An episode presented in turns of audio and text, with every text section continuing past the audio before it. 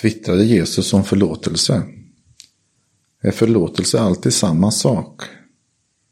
Behövde en slav i antiken förlåta sin herre? Anser forskningen att jag borde be min fru om förlåtelse när jag glömde köpa mjölk? Välkommen till podden där en teolog och en ingenjör provtänker.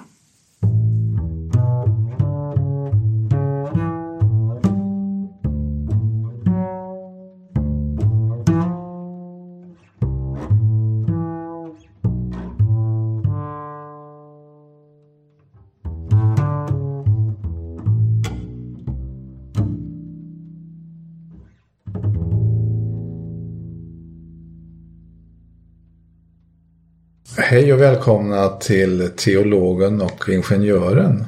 En eh, podd som eh, jag, Johan Gunnarsson och eh, du, Rickard. Ja, Rickard Reuto. Rickard Reuto, ja. ja. Ska göra tillsammans. Det här är då vårt första avsnitt på temat förlåtelse. Mm. Vem är du, Rickard? Eh, jag heter Rickard Reuter som sagt och eh, jag är bibelvetare, teolog. Eh, ägnar mina dagar åt att undervisa om och forska om Bibeln. Och är glad medlem i samma församling som, som dig, Missionskyrkan i Linköping. Och även familjefar. Till, har fru och tre barn. Mm. Mm. Eh, jag är Johan Gunnarsson, eh, är ju då ingenjör och har eh, även forskat i ingenjörsämnen i reglerteknik närmare bestämt. Och jobbar nu i ett typiskt ingenjörsföretag som teknisk chef mm. kan man säga. Och har då varit engagerad i den här församlingen under många, många år på olika sätt.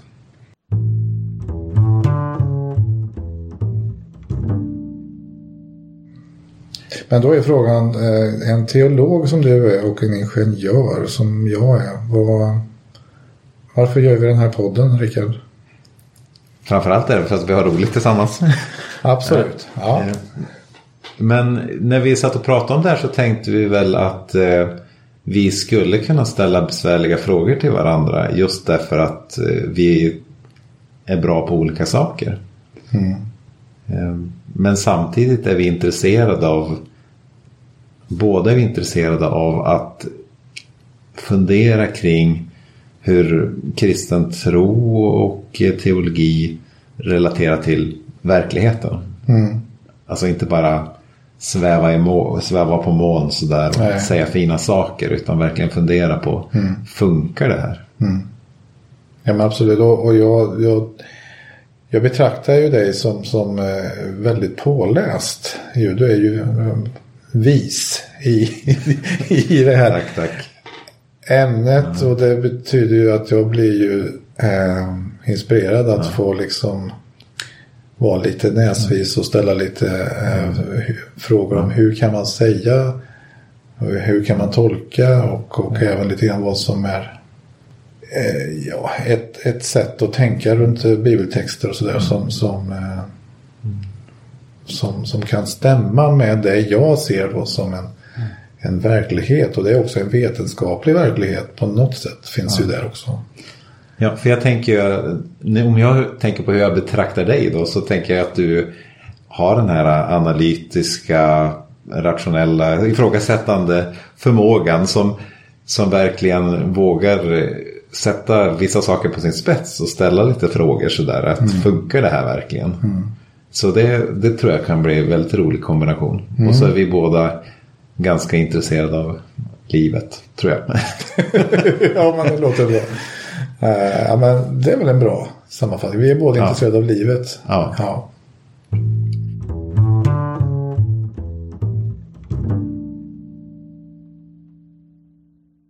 Temat för det här mm. första avsnittet då är ju om förlåtelse. Ja, det är ju ett, ett av de här ämnena som både fascinerar och provocerar i, i den kristna traditionen. Och, eh, en av de saker som eh, kanske en av de provocerar allra mest det är ju eh, det bud som Jesus kommer med att man ska förlåta väldigt, väldigt mycket. Eh, I Matteus kapitel 18, verserna 21 och 22 så, så står det ju så här att eh, då kom Petrus fram till Jesus och sa Herre, hur många gånger ska min broder kunna göra orätt mot mig och ändå få förlåtelse av mig? Så mycket som sju gånger. Jesus svarade, jag säger dig, inte sju gånger utan 77 gånger. Mm. Ja. Känns det rimligt? Uh, ja, jag, tänker det att, att uh, till att börja med så är ju, verkar just siffran 7 vara väldigt populär i det här resonemanget. Och jag som ingenjör tänker att alla mm. siffror har ju mm. ungefär samma funktion på något sätt. Men just siffran 7 dyker upp. Varför mm. är det så? Um, ja, den är som sagt väldigt populär i, i judisk eh, nummermystik. Eh, det, det är ganska vanligt fenomen runt texten på den här tiden att, att, att olika siffror betyder inte bara en siffra utan det, det står för någon typ av värdering. Eh, eller någon typ av eh, beskrivning av verkligheten. Och, och siffran 7 står ofta för fullkomning, för oändligt många gånger och sådär. Så att eh, i det här fallet så betyder 7 eh, jättemånga gånger. Och så mm. sen när Jesus svarar nej, inte bara jättemånga gånger utan jätte, jätte, jättemånga gånger. Mm. Det vill säga i stort sett oändligt många gånger kan man nog översätta den här dialogen med. Ehm, det finns ju en parallell variant till det här bibelstället i Lukas evangeliet kapitel 17, verserna 3 och 4. Och det är eh, en annan variant av samma Jesusord som är, som är bevarad på ett lite, eh, lite annorlunda sätt men ändå i stort sett samma. Eh, Jesus säger så här då. Ta er akt. Om din broder gör dig orätt så tillrättavisa honom och om han ångrar sig så förlåt honom.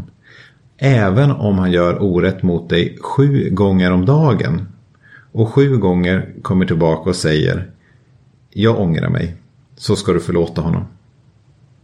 Så här har vi också den här siffran sju som kommer tillbaka i den här versionen. Mm. Det har samma funktion där då. Mm.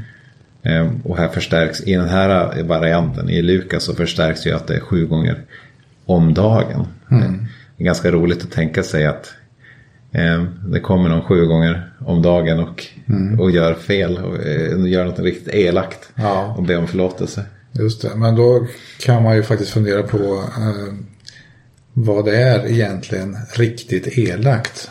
Det är nästan som man skulle behöva definiera detta. Men man kan ju ta något sånt här elakt scenario. Tänk att, det, att jag kommer bara fram oprovocerat slå dig i magen. Ja. Ja, det är inte så snällt. Nej. Nej. Och så säger jag, nej jag ångrar mig. Ja. Förlåt. Mm. Och så förlåter du mig. Ja, just det. Och då... Då är frågan hur, hur, hur länge är det rimligt? Ja. Kommer, du, kommer du förlåta mig på samma sätt den sjunde gången jag kommer att slå dig i magen den här dagen? Och säger förlåt, det var inte meningen, jag ångrar mig. Ja, just slå mig i magen. Jag vet inte om det, det är... Eh,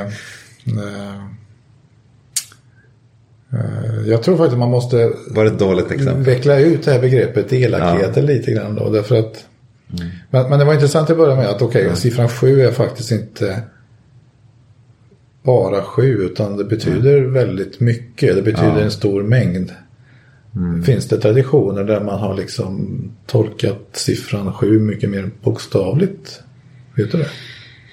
Nej, inte, jag kan inte det faktiskt. Nej, det, det finns säkert, eh, jo, det finns ju den här berömda filmen, eh, social eh, eh realistiska filmen från 1960-talet eh, som handlar om eh, utslagna unga människor i, i, i Sverige. Mm. Den heter 491. Därför att det finns en annan variant av översättning eh, av den här texten där man översätter det med sju gånger 70 gånger. Mm. Och det beror på att det finns lite olika små varianter av, av, av grundtexten på grekiska till den här. Och, och 7 gånger 70 blir 490. Men då heter filmen lite symboliskt 491. För det här är de som liksom har överträdit fler gånger än max. Och eh, utanför samhället. Men jag tror att det, det var em, nog eh, en titel som var påhittad mest för att framhäva de här människornas utanförskap i, i, i samhället. Em, regissören heter Vilgot Sjöman. Mhm, just det. Ja. Det var rejäla, Ja. en, en riktig film. Ja, en precis. riktig film. Ja. Mm. Ja. Nej men alltså slå, slå i magen. Jag tänker om man nu tar ett mer eh, eh, allvarligt exempel. Om man nu tänker sig misshandel i, i, i, mellan makar eller i en parrelation. ja, just det. Eh, säg om man nu tänker att eh, kvinnan blir slagen i magen. Hur ofta ska hon då? Ja.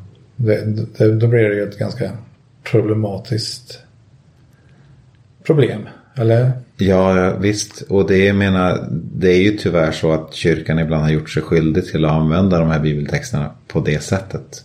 Eh, alltså att man helt enkelt har sagt åt eh, misshandlade hustrur, för det är väl mer misshandlade hustrur än, än makar i världen. Eh, väldigt mycket fler. Så att, eh, men den misshandlade parten i alla fall har har uppmanats helt enkelt att, eh, att tolerera det här beteendet. Eh, och det kan man väl utan att överdriva säga låter som en ganska farlig eh, tillämpning av den här bibeltexten. För jag menar, det blir farligt för både henne och eh, eventuella barn som finns i familjen. Och, och, och, och eh, Frågan är om det hjälper på något sätt för, för någon, inklusive den misshandlande mannen, att, att bara fortsätta förlåta. För det är ju ofta så här, alkoholproblem och... Ja.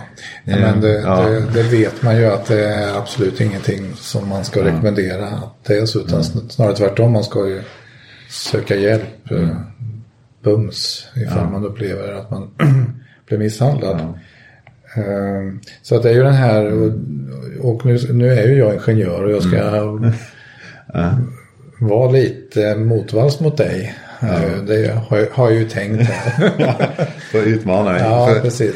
Ja. Och, och det är klart att, att jag är ju ser ju problem i, i den här alltför snabba och naiva tolkningen. Eh, till exempel att man ska acceptera och eh, förödmjuka sig in, in absurdum så att säga i det här fallet.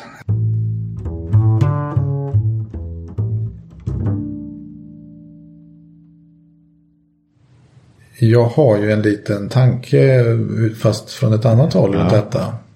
Bara för att eh, hjälpa teologen här lite. Tack så mycket. På trav. Ja. Eh, du ser i och för sig inte så hjälplös ut men, men eh, tänkte ändå försöka ändå. Eh, Det är så här att, att jag och min fru är engagerade i någonting som heter PREP. PREP-kurs. Som handlar om friskvård för parrelationer. Och där i då så har, finns det ett kapitel som just handlar om förlåtelse. Eh, och där, det här baserar sig då på forskning eh, som har gjorts eh, på stort antal relationer och stort antal par där man då har undersökt olika faktorer vad som påverkar en relation i positiv och negativ mening. Och då är den här förlåtelse någonting då som också är en viktig ingrediens i, i en relation. Eh, och något man då pratar om är att man, man egentligen ser det som två skilda förlåtelser. Den lilla förlåtelsen och den stora förlåtelsen. Den lilla förlåtelsen är ju det här mer vardagliga förlåtandet och att det är viktigt att man eh, faktiskt eh, säger förlåt för ifall man råkar glömma köpa mjölk eller vad det nu är eh, som är små sakerna i, i tillvaron. Ifall man inte ber om förlåtelse för det utan bara tar för givet att den andra ska förlåta. Att man liksom så att säga inte bekräftar eh, sina fel, även om de är väldigt obetydliga, eh, så, så påverkar det så att säga en relation negativt. Det sliter eh, om man liksom inte inser att man faktiskt eh, per automatik eller ska försöka eh, använda ordet förlåt eh, och, och, och säga förlåt och sådär.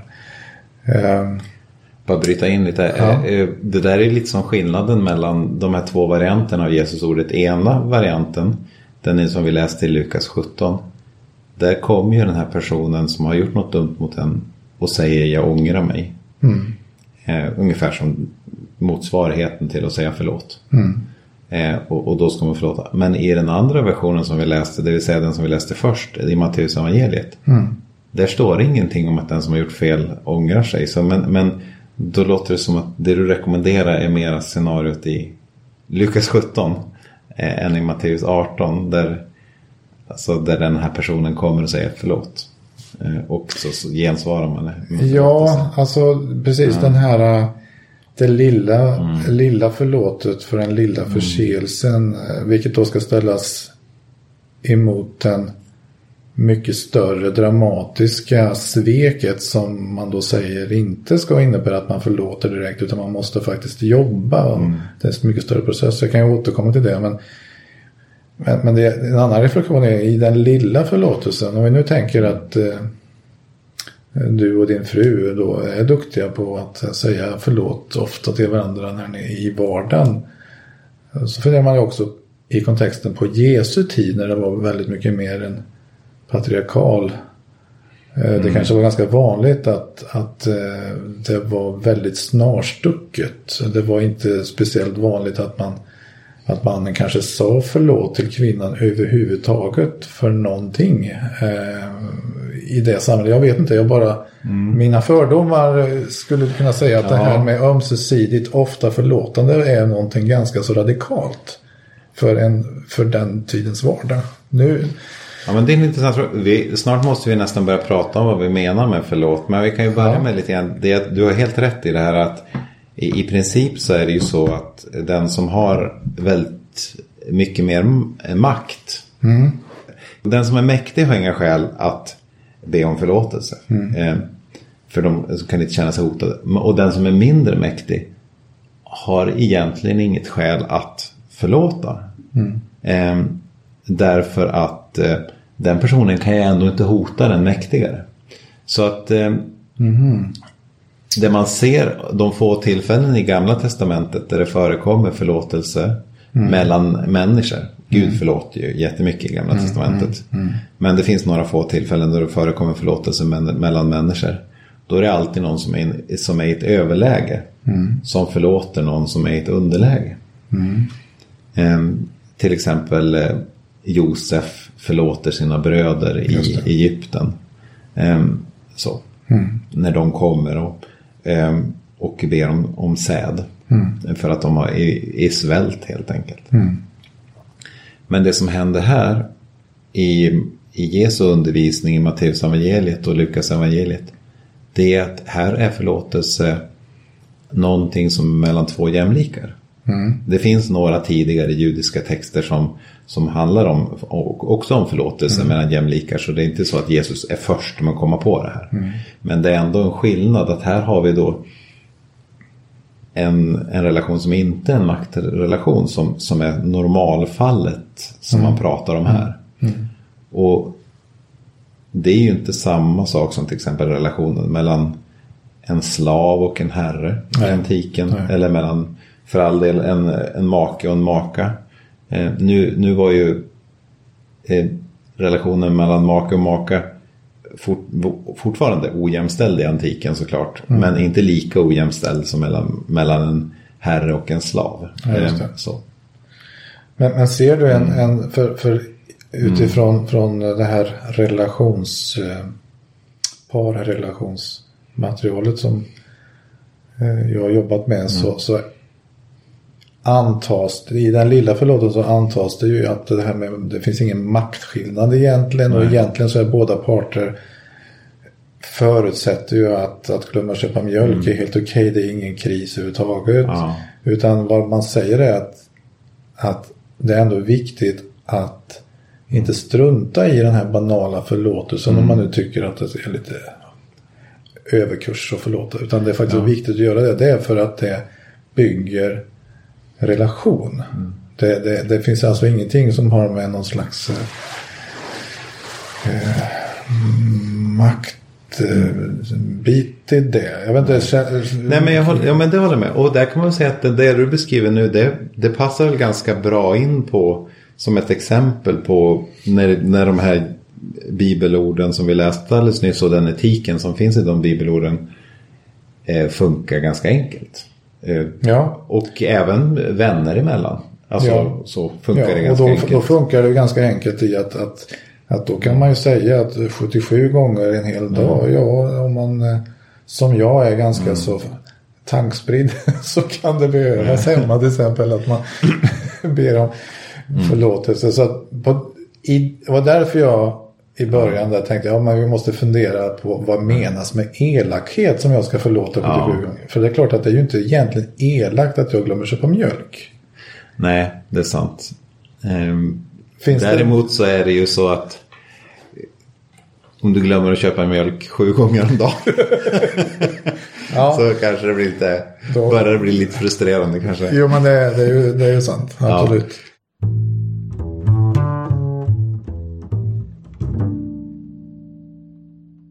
Eh, men eh, det är ju också, men jag, jag tänkte på det nu när du frågade med den här frågan om ojämställda relationer och så. Vi har ju väldigt olika mäktiga relationer även idag. Till exempel, eh, du är ju chef. Eh, och eh, det är ju det är ju ingen symmetrisk relation mellan en chef och chefens liksom underställda. Nej. Ehm, Även om vi tycker om att vara lite så här kompisaktiga och så, så jämställda det bara går på arbetsplatser i Sverige också.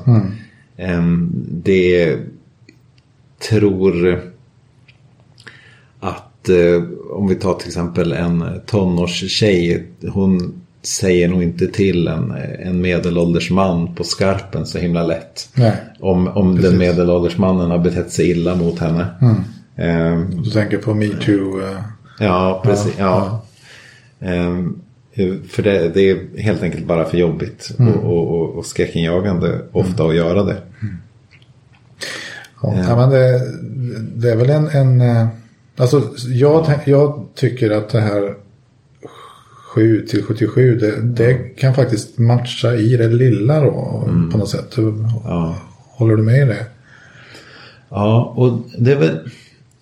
Och det där tror jag faktiskt är någonting som är underförstått i de här bibeltexterna. Är att det handlar om att åtminstone försöka. Eh, när det är rimligt. Precis.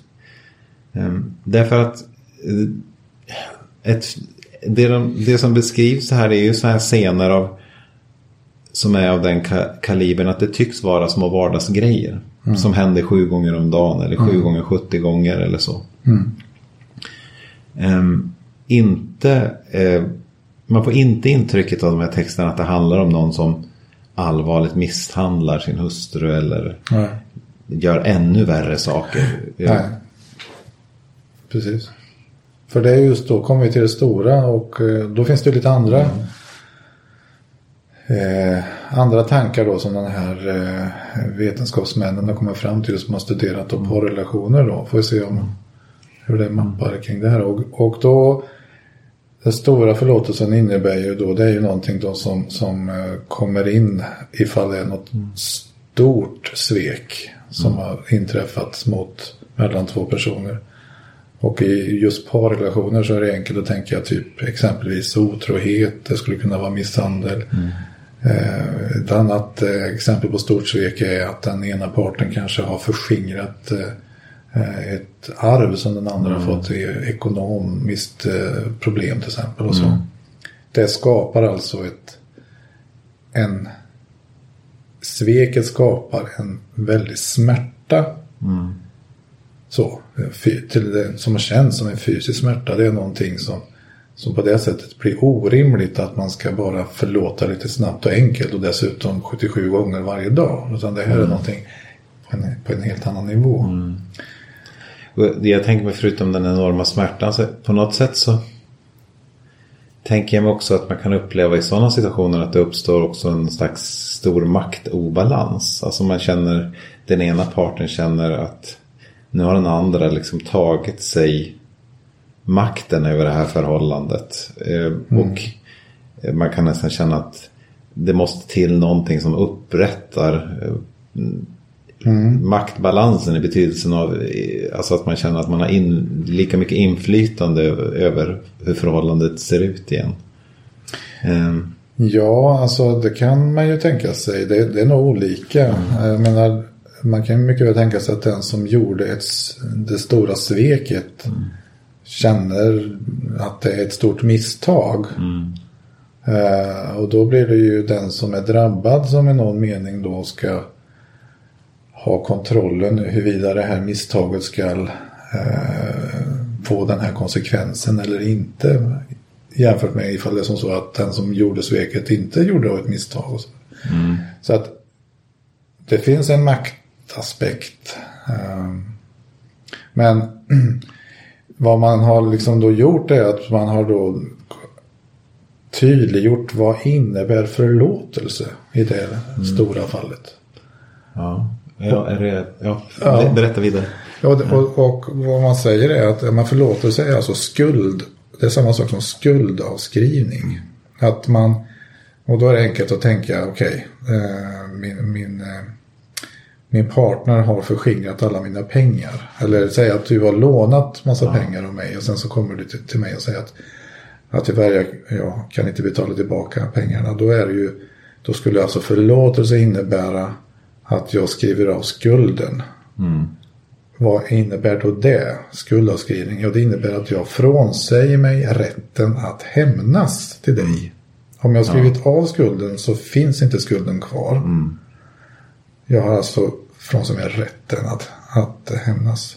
Men jag behöver ju för den skull inte kommit så långt att jag har försonat mm, det hela. Just det. Därför att vad innebär, vad är det som fattas för att man ska försona sig? Jo, det är ju tilliten. Mm. Det vill säga, om du kommer igen till mig och ber om att få låna mer pengar så kommer jag ju kunna, förmodligen kunna säga nej. Uh, att nej men tyvärr, jag, jag uh, litar inte på dig. Jag kommer inte låna ut mer pengar trots att jag har förlåtit eller skrivit av skulden för den första gången. Mm. Det jo men det låter ju rimligt. Sen så tänker jag mig väl att eh, om det där äktenskapet ska hålla i, i längden då. Så menar det här, den här avskrivningen av den. Alltså den här skulden kan ju vara ett bra första steg. Mm. Men man kan ju inte stanna där. För då, kan man, då är väl nästa steg att helt enkelt bara lämna varandra i fred. Tänker jag mig. Precis. Och då, så att det är ju mm. vad man säger att förlåtelse behöver man ju oavsett hur framtiden ska se ut så behöver man stanna kvar och jobba tillsammans för att mm. upprätta en förlåtelse.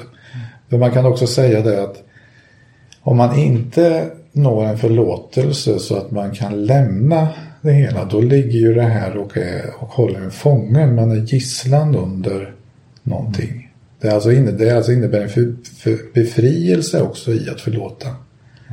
Och är då första steget till att faktiskt börja jobba på att återupprätta tilliten och när tilliten är tillbaka så att man faktiskt kan lita på varandra och låna ut pengarna igen eller vad det nu är.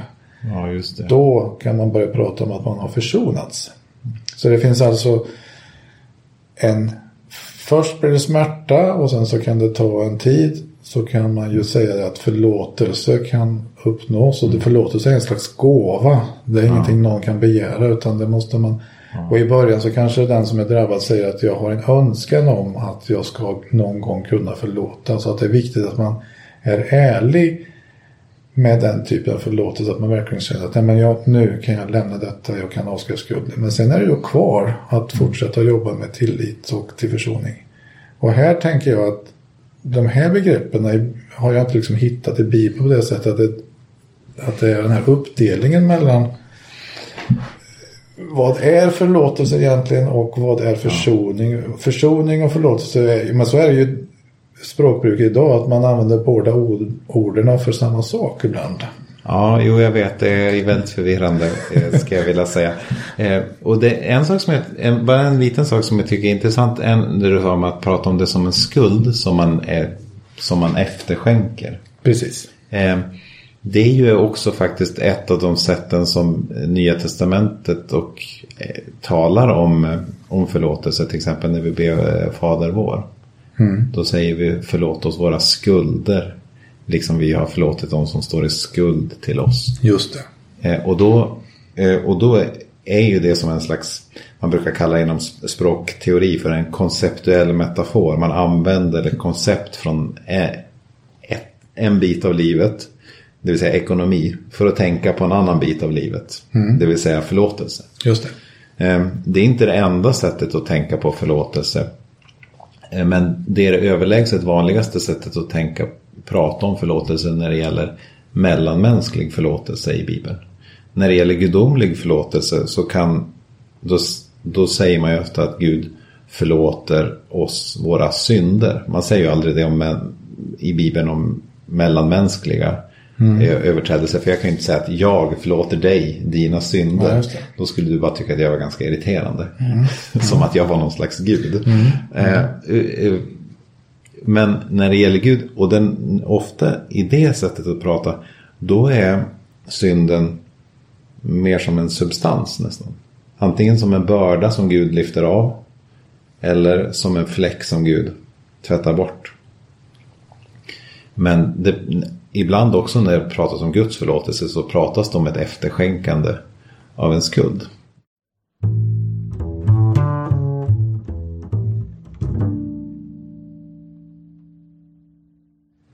Är inte det ganska grundläggande för här mänsklig psykologi på något sätt? att man känner att det finns någonting som man kan beskriva som en obalans om mm. någon har gjort något elakt mot en. Mm. Alltså det är inte rättvist längre.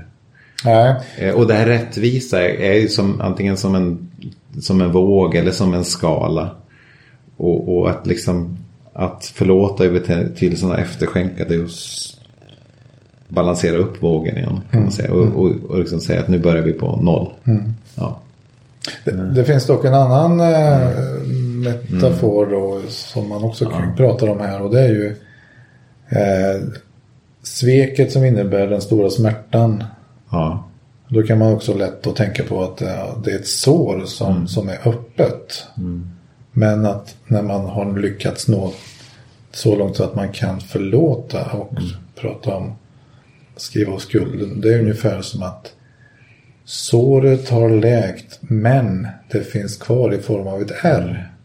Det vill säga, ja, det, då skulle man kunna säga att det, det, slutar göra ont på samma sätt mm. eller det slutar blöda, det slutar vara mm. någonting som tar energi. Det, så det blir en, en liknelse som, som blir mycket mer emotionell mm. kring ja. vad den här skadan innebär.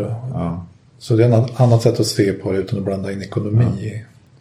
Ja. Och det är väl det som har blivit lite fel när man har, har läst de här texterna som att vi tog det här bisarra exemplet igen då. En, en, eh, eller vi tar ett nytt exempel. Eh, någon som har blivit utsatt för otrohet. Mm. Och så bestämmer sig den här personen för att förlåta. Mm. Och så säger man, ja men nu lägger vi in hela det här med att alla, alla, allt det här som är ont, alla de här känslorna de ska du också klara av att lägga ifrån dig på en gång. Mm. Så att liksom, man tolkar då den kristna etiken som att man på ett ögonblick ska kunna bara lämna alla känslor av att känna sig sårad och osäker bakom sig mm. på en gång. Mm. Eh, istället för att skilja på de här två koncepten så, på det sättet som du gjorde. Mm. Eh, det tror jag, tror jag är väldigt viktigt. Så frågan är, kan du hitta någonting mm. i Bibeln som skiljer på koncepten så här? Ett, ett grundproblem med eh, vårat förhållningssätt i jämförelse med bibeltexternas förhållningssätt det är att vi är mycket, mycket mer intresserade av att prata om våra känslor än vad, vad, man var i antiken. Okej, okay, var inte det populärt att prata om? Alltså jo, det förekommer ju att man ja. pratar om känslor. Ja. Det finns ju ett uttryck i den texten som vi läste faktiskt alldeles på slutet att man ska förlåta från sitt hjärta. Mm. Eh, och det har ju, att förlåta från sitt hjärta behöver inte ha med just bara känslor att göra men det har i alla fall med ens mentala liv att göra. Med, mm. med ens attityder. Det har både med intellekt och känslor att göra. Mm. Hjärtat är ofta ett säte för förståndet. Så att man kan säga att när man förlåter från sitt hjärta så betyder det ungefär du förlåter och du menar det.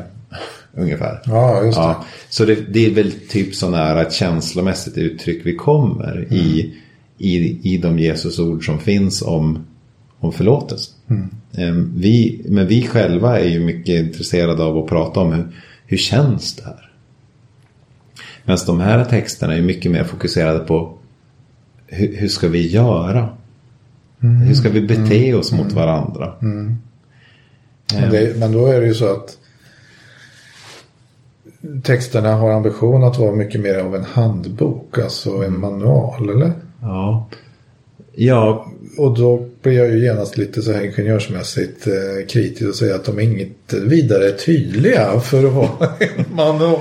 Nej, det kan man väl beskylla många, många Jesusord för att vara sakna detaljutveckling kan man väl säga. Precis. Eh, man får komma ihåg att eh, Jesus gick omkring och predikade muntligt. Eh, mm. Och sen traderades traditionerna runt Jesus muntligt. Mm. Och så vidare. Så det var ju inte direkt läge för några enormt långa komplicerade detaljutläggningar under en sån traderingsprocess. Utan det som har bevarats och finns i bibeltexterna är ju det är ganska kompakta, i stort sett tweets. Alltså ah, det är Twitter. Okej, okay, just det. ja. Det, här... Det, vet, det, det, det, vet man ju hur tweetande makt, maktmänniskor ja, jag vill inte jämföra Jesus med Donald Trump. Nej, jag sa nej, ingenting. Nej, nej, nej. nej. Men det, man får ändå komma, och det blir ju sådär eh, att de Jesusord som finns bevarade finns bevarade i en ganska kompakt form ofta. Mm. Sen kan man ju bara inbilla sig att Jesus och hans lärjungar satt och diskuterade detaljerna mm. över någon lägereld någon kväll. I, ja. ja. Tänk om man hade fått vara med där. Ja, det hade varit väldigt intressant. Petrus som säger till Jesus. Men om vi tar det här fallet då, vad menar du då? Just det, precis. ja. Mm. Eh, det hade varit väldigt intressant.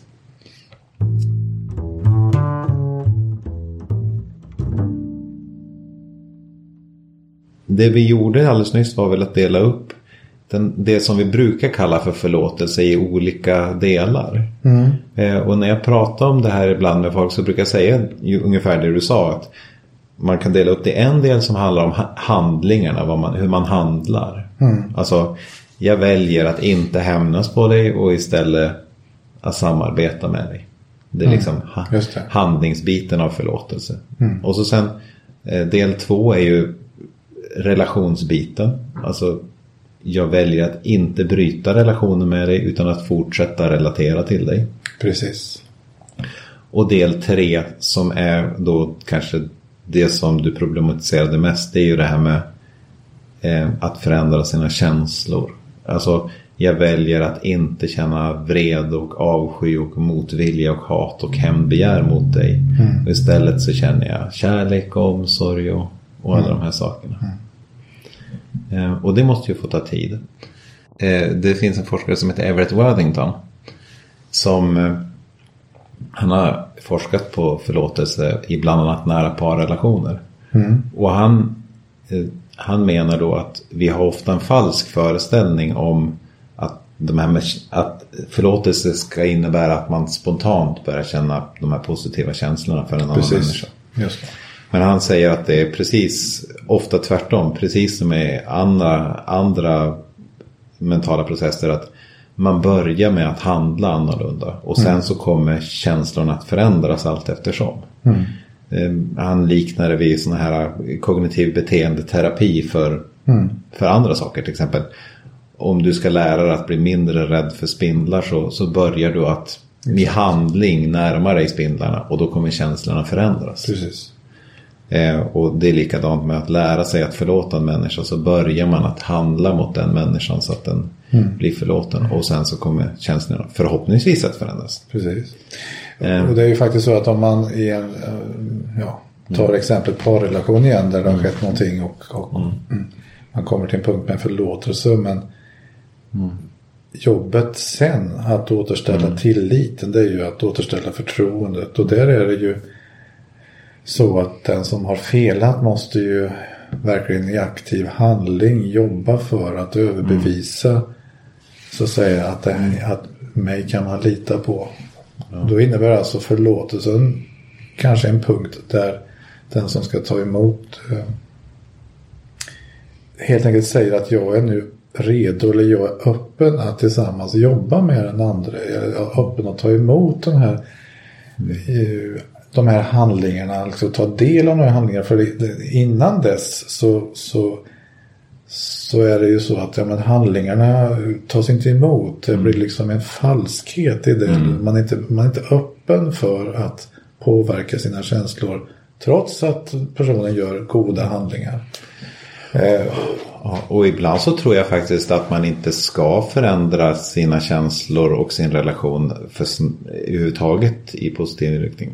Jag tänker på så hemska fall som barn som har utsatts för misshandel eller incestuösa mm. övergrepp mm.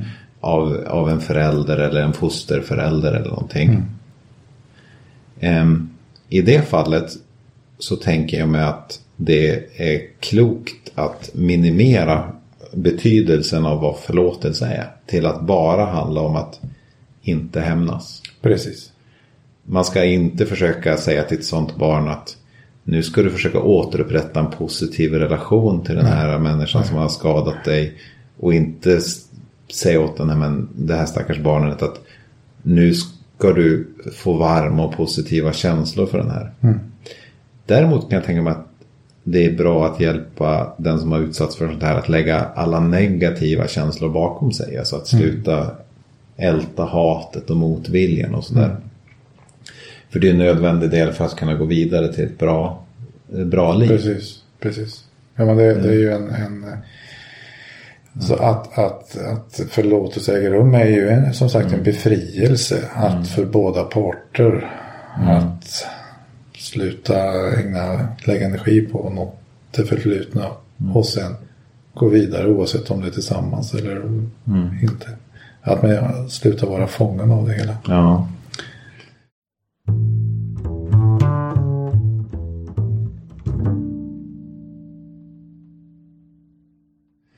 Jag tänker, och den här Matteus 18 då som vi pratade om. Mm. Eh, den handlar, hela det kapitlet handlar ju om hur människor ska bete sig mot varandra i, i, i Matteus, eh, i, i den matteanska församlingen.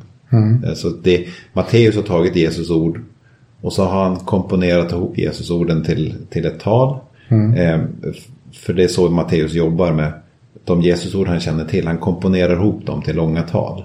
Och i kapitel 18 har han komponerat ihop ett tal som, som man brukar kalla för församlingstalet. För det handlar om hur man ska bete sig mot varandra i församlingen. Så det är, kan man säga, är det så att Matteus sammanfattar mm. det Jesus har sagt? Ja, och sätter Jesus orden i en viss ordning. Så, och hur man sätter dem i en viss ordning och binder ihop dem och sammanfattar mm. dem och sådär.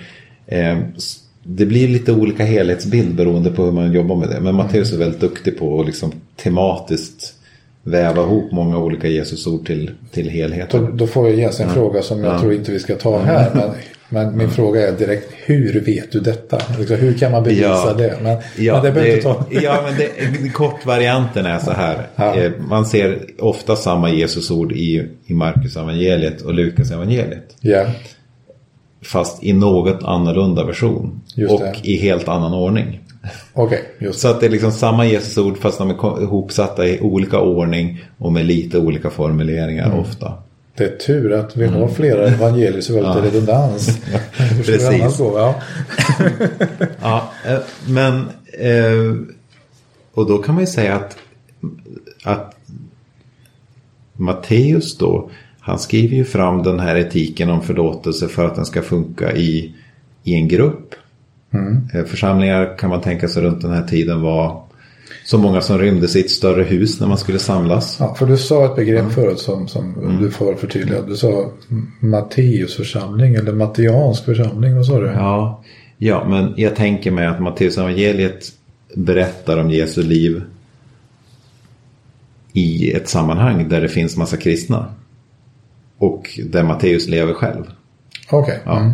Och då blir det ju att han formulerar minnet av vem Jesus var så att det ska vara relevant för hans egen församling. Just det. Och det betyder inte att han bara hittar på ur tomma luften. För det är ju rätt tydligt att han eh, tar, tar hänsyn till alla de traditioner han känner till och använder sig av de Jesusorden han känner till för traditionen. Men han, han komponerar ändå ihop en helhet som, som ska vara liksom som han tycker är det bä- bästa sättet att berätta Ja. om Jesus i För, just för, för sammanhang. en viss Ja. kontext kan man Ja, säga. precis. Mm. Och då eh, gör ju han, han så att han, han vill berätta hur man ska bete sig mot varandra i församlingen. Och då kan det ju vara ganska adekvat det här Jesusordet om att man ska förlåta varandra. Att inte hålla på och gå in på djupet i hur man ska känna eh, hela tiden. Nej. För all, man kan inte ha den här djupa, djupa relationen som man har till sin, som vi till exempel tänker oss att man ska ha till sin fru, till alla människor. Nej, Eh, precis. Utan man kan ha en olika nära och intim relation med olika människor beroende på hur man känner dem väl och sådär. Mm. Och i en församling av viss storlek så, ja, så kanske man måste fokusera på att bete sig väl mot varandra. Ja. eh, Vara förlåtande i praktisk handling mot Precis. varandra så att gemenskapen ska fortsätta att fungera. Ja. Och så. Ehm, Det, det är ju lite signifikant nästan om man nu tänker sig ehm, eh, ja, f- försa- att en församling idag eller att, att jag menar både du och jag som har varit med i ett församlingsliv att, att vi, en församling är ju duktig på att en, vi, vi har en inställning av att vi är duktiga på den lilla förlåtelsen ändå. Borde, eller kan man Ja, inte, jo men det kan man väl säga. Att, ja. Sen så finns det gott om misslyckanden Ja, också ja, i ja. församlingen. Människor Ja. som inte står ut med varandra och, och, och sådana sorgliga berättelser som... Oh ja, Ja. Oh ja. Det, det gör det ju. Men det finns en... Eh, eh, Det finns en vilja, ska man kunna säga så då? ja, precis. Ja, det, man tänker, alltså det, det är klart att det finns, finns eh, mycket, eh, än mer eh, exempel på goda ex- omsorgsexempel även i arbetslivet och så Ja, också. så. oh, ja. Så. ja, men det är också en sån här kontext där man är man är en, en begränsad mängd människor men, men ändå för många för att man ska kunna vara jätteintim med alla. Precis. Ja. Sen så kan man ju drömma ibland om att församlingen skulle kunna ha mer av de här lite mer intima gemenskaperna där man skulle vara tvungen att förlåta varandra mer på djupet för att det skulle funka. Kan jag tänka mig. Ja. Det, det är både, ja, både och. Ja, men alltså inte vara, inte vara jätteintim med precis alla men Nej. eh, sådär.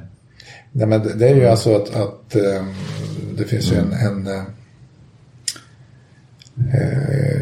en, en poäng i att man har en kontext i församlingen som inte behöver hänga upp på ytliga saker. För det finns ju otroligt mycket yta i diverse eh, s- sammanhang i livet idag. Ja. Och individualism och yta är ganska, f- ganska främmande för ett församlingssammanhang.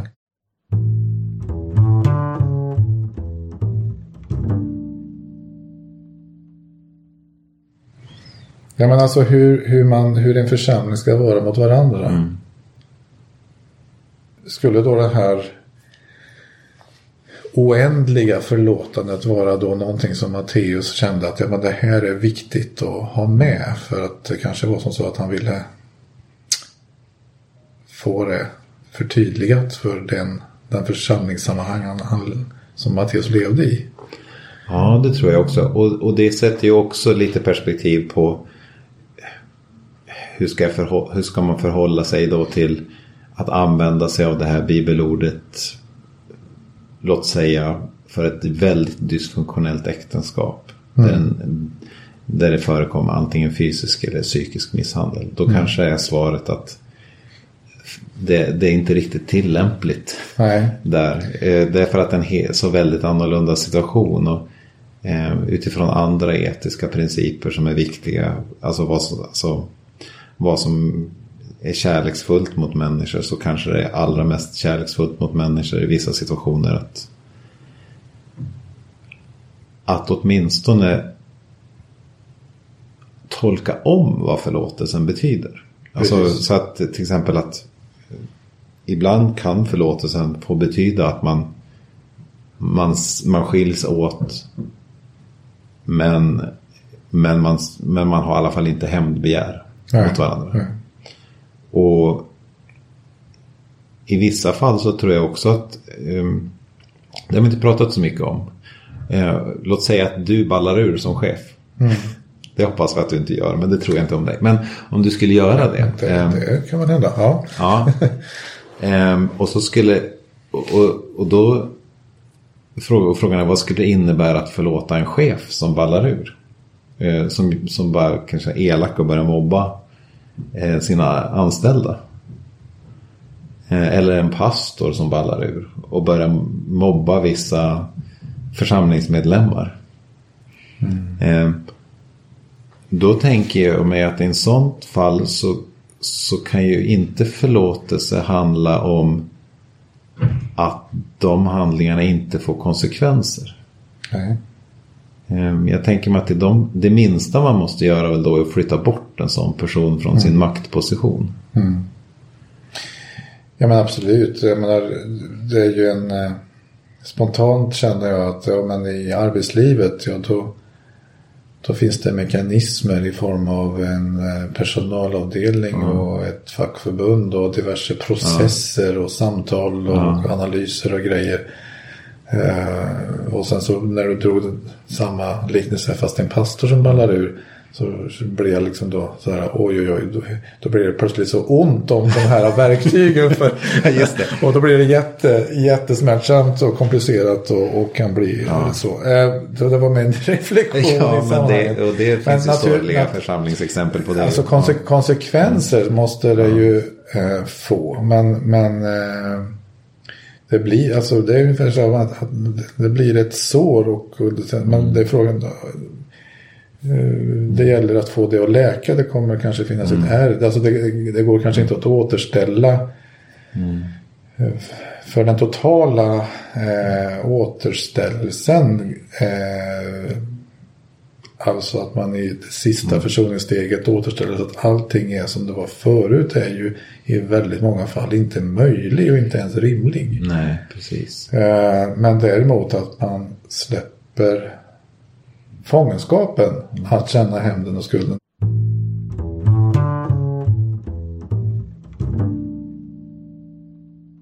Det finns en, eh, en berättelse där två, två före detta koncentrationslägerfångar mm. samtalar och den eh,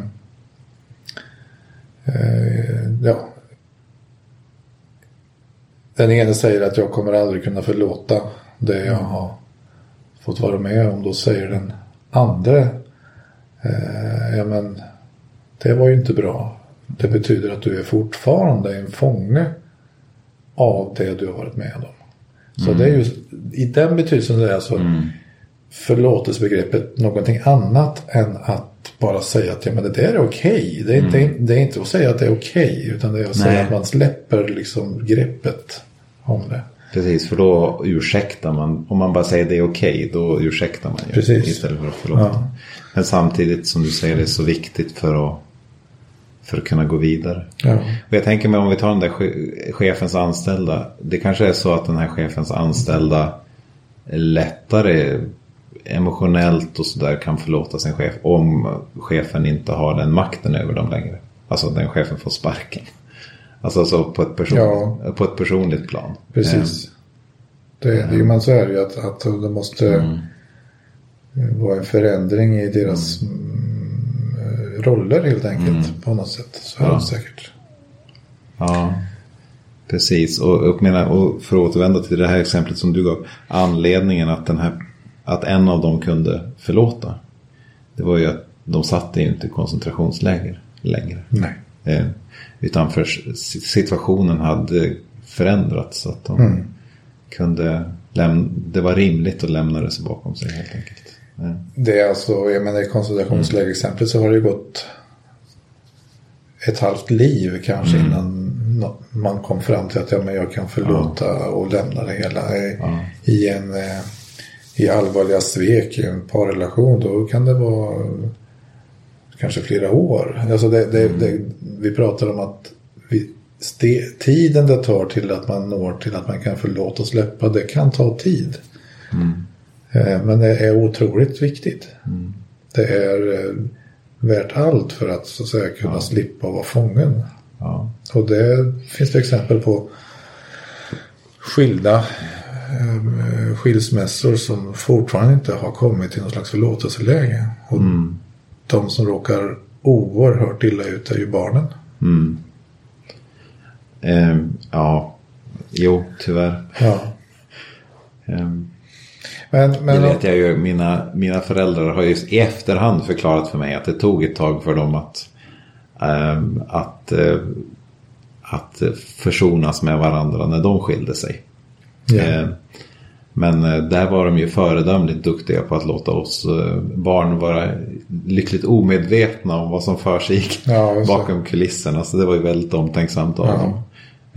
Men, det, det, men de är ju vänner nu och pratar med varandra mm. och sådär. Men det, jag är ju å andra sidan också 40 år gammal. Så det, ja, ja, men tänk dig mindre barn som, mm. som måste byta förälder i, mm.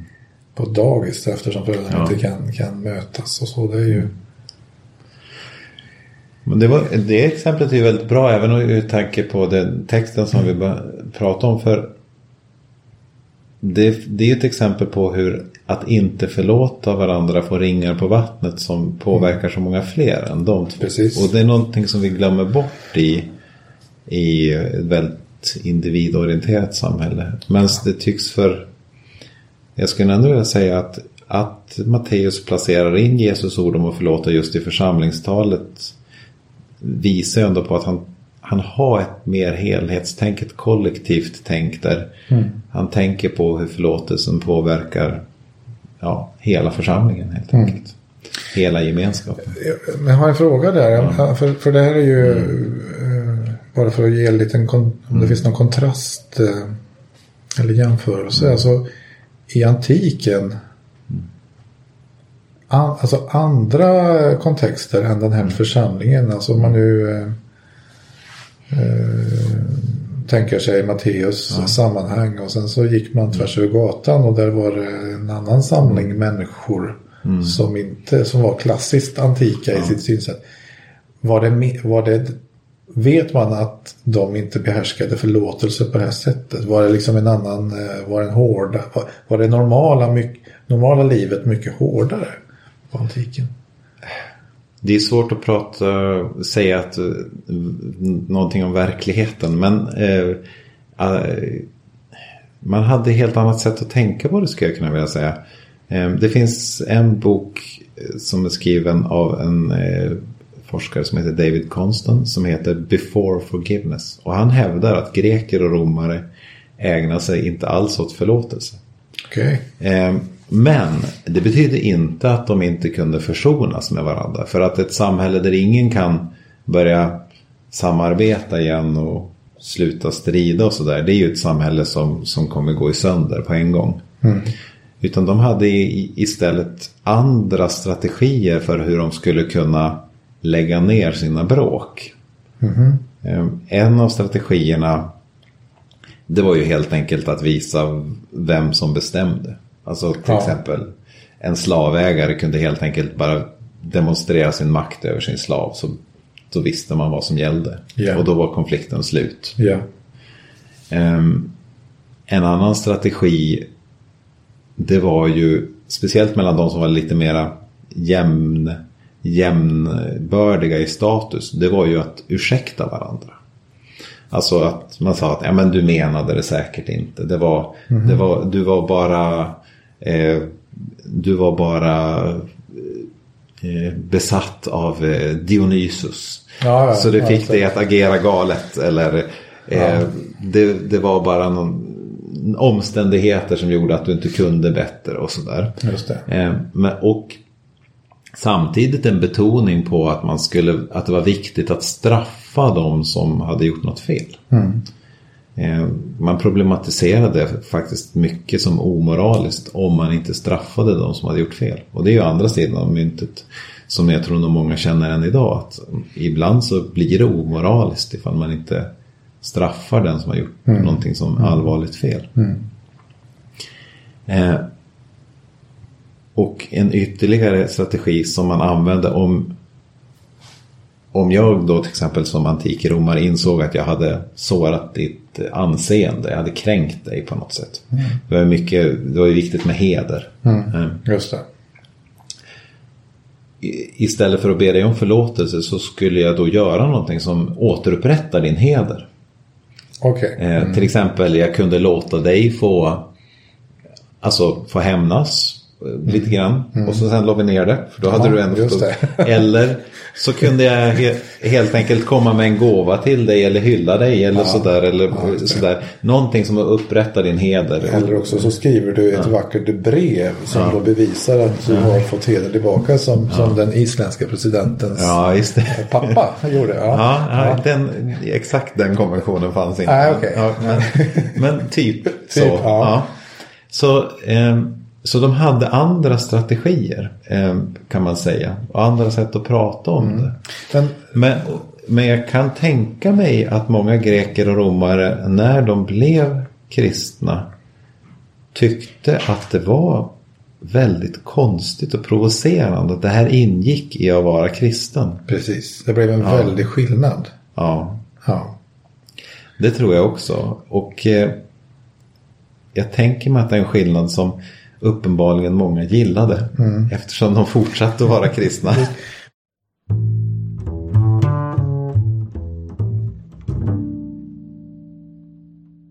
Men då är den stora eh, ja. vetenskapliga ja. frågan här nu. Om vi nu tar populationen Matteus ja. församling. Om vi sen tar populationen eh, mer klassiskt antik och försöker beräkna vem, vilket synsätt som är optimalt. Nu är det ja. så att, att uh, du är ju teolog men du är ju tillräckligt uh, road i din uh, bakgrund här för att ägna dig åt lite spelteori. Alltså kan man simulera fram vad som är den optimala strategin? Men eh, det är nästan, det, det, krävs nästan ett helt avsnitt till för det, eller hur? Ja, men det kan det faktiskt göra. Det är faktiskt för, det är så stor, för vi har inte ens hunnit börja prata om att vända andra kinden till. Nej. Och att älska sina fiender. Nej, för det, det, det, det, nej, det har vi inte pratat om. Absolut. Nej, och, och, för det tror jag hör ihop lite grann. Eh, ja. Och fundera på om... Eh, eh, om det var strategiskt för de första kristna att vara så förlåtande. Precis. Det är en intressant fråga. Ja, det är mycket intressant. Ja. Men då tar vi det nästa gång. Ja, det tycker jag vi gör. Bra. Tack ska ni ha. Tack.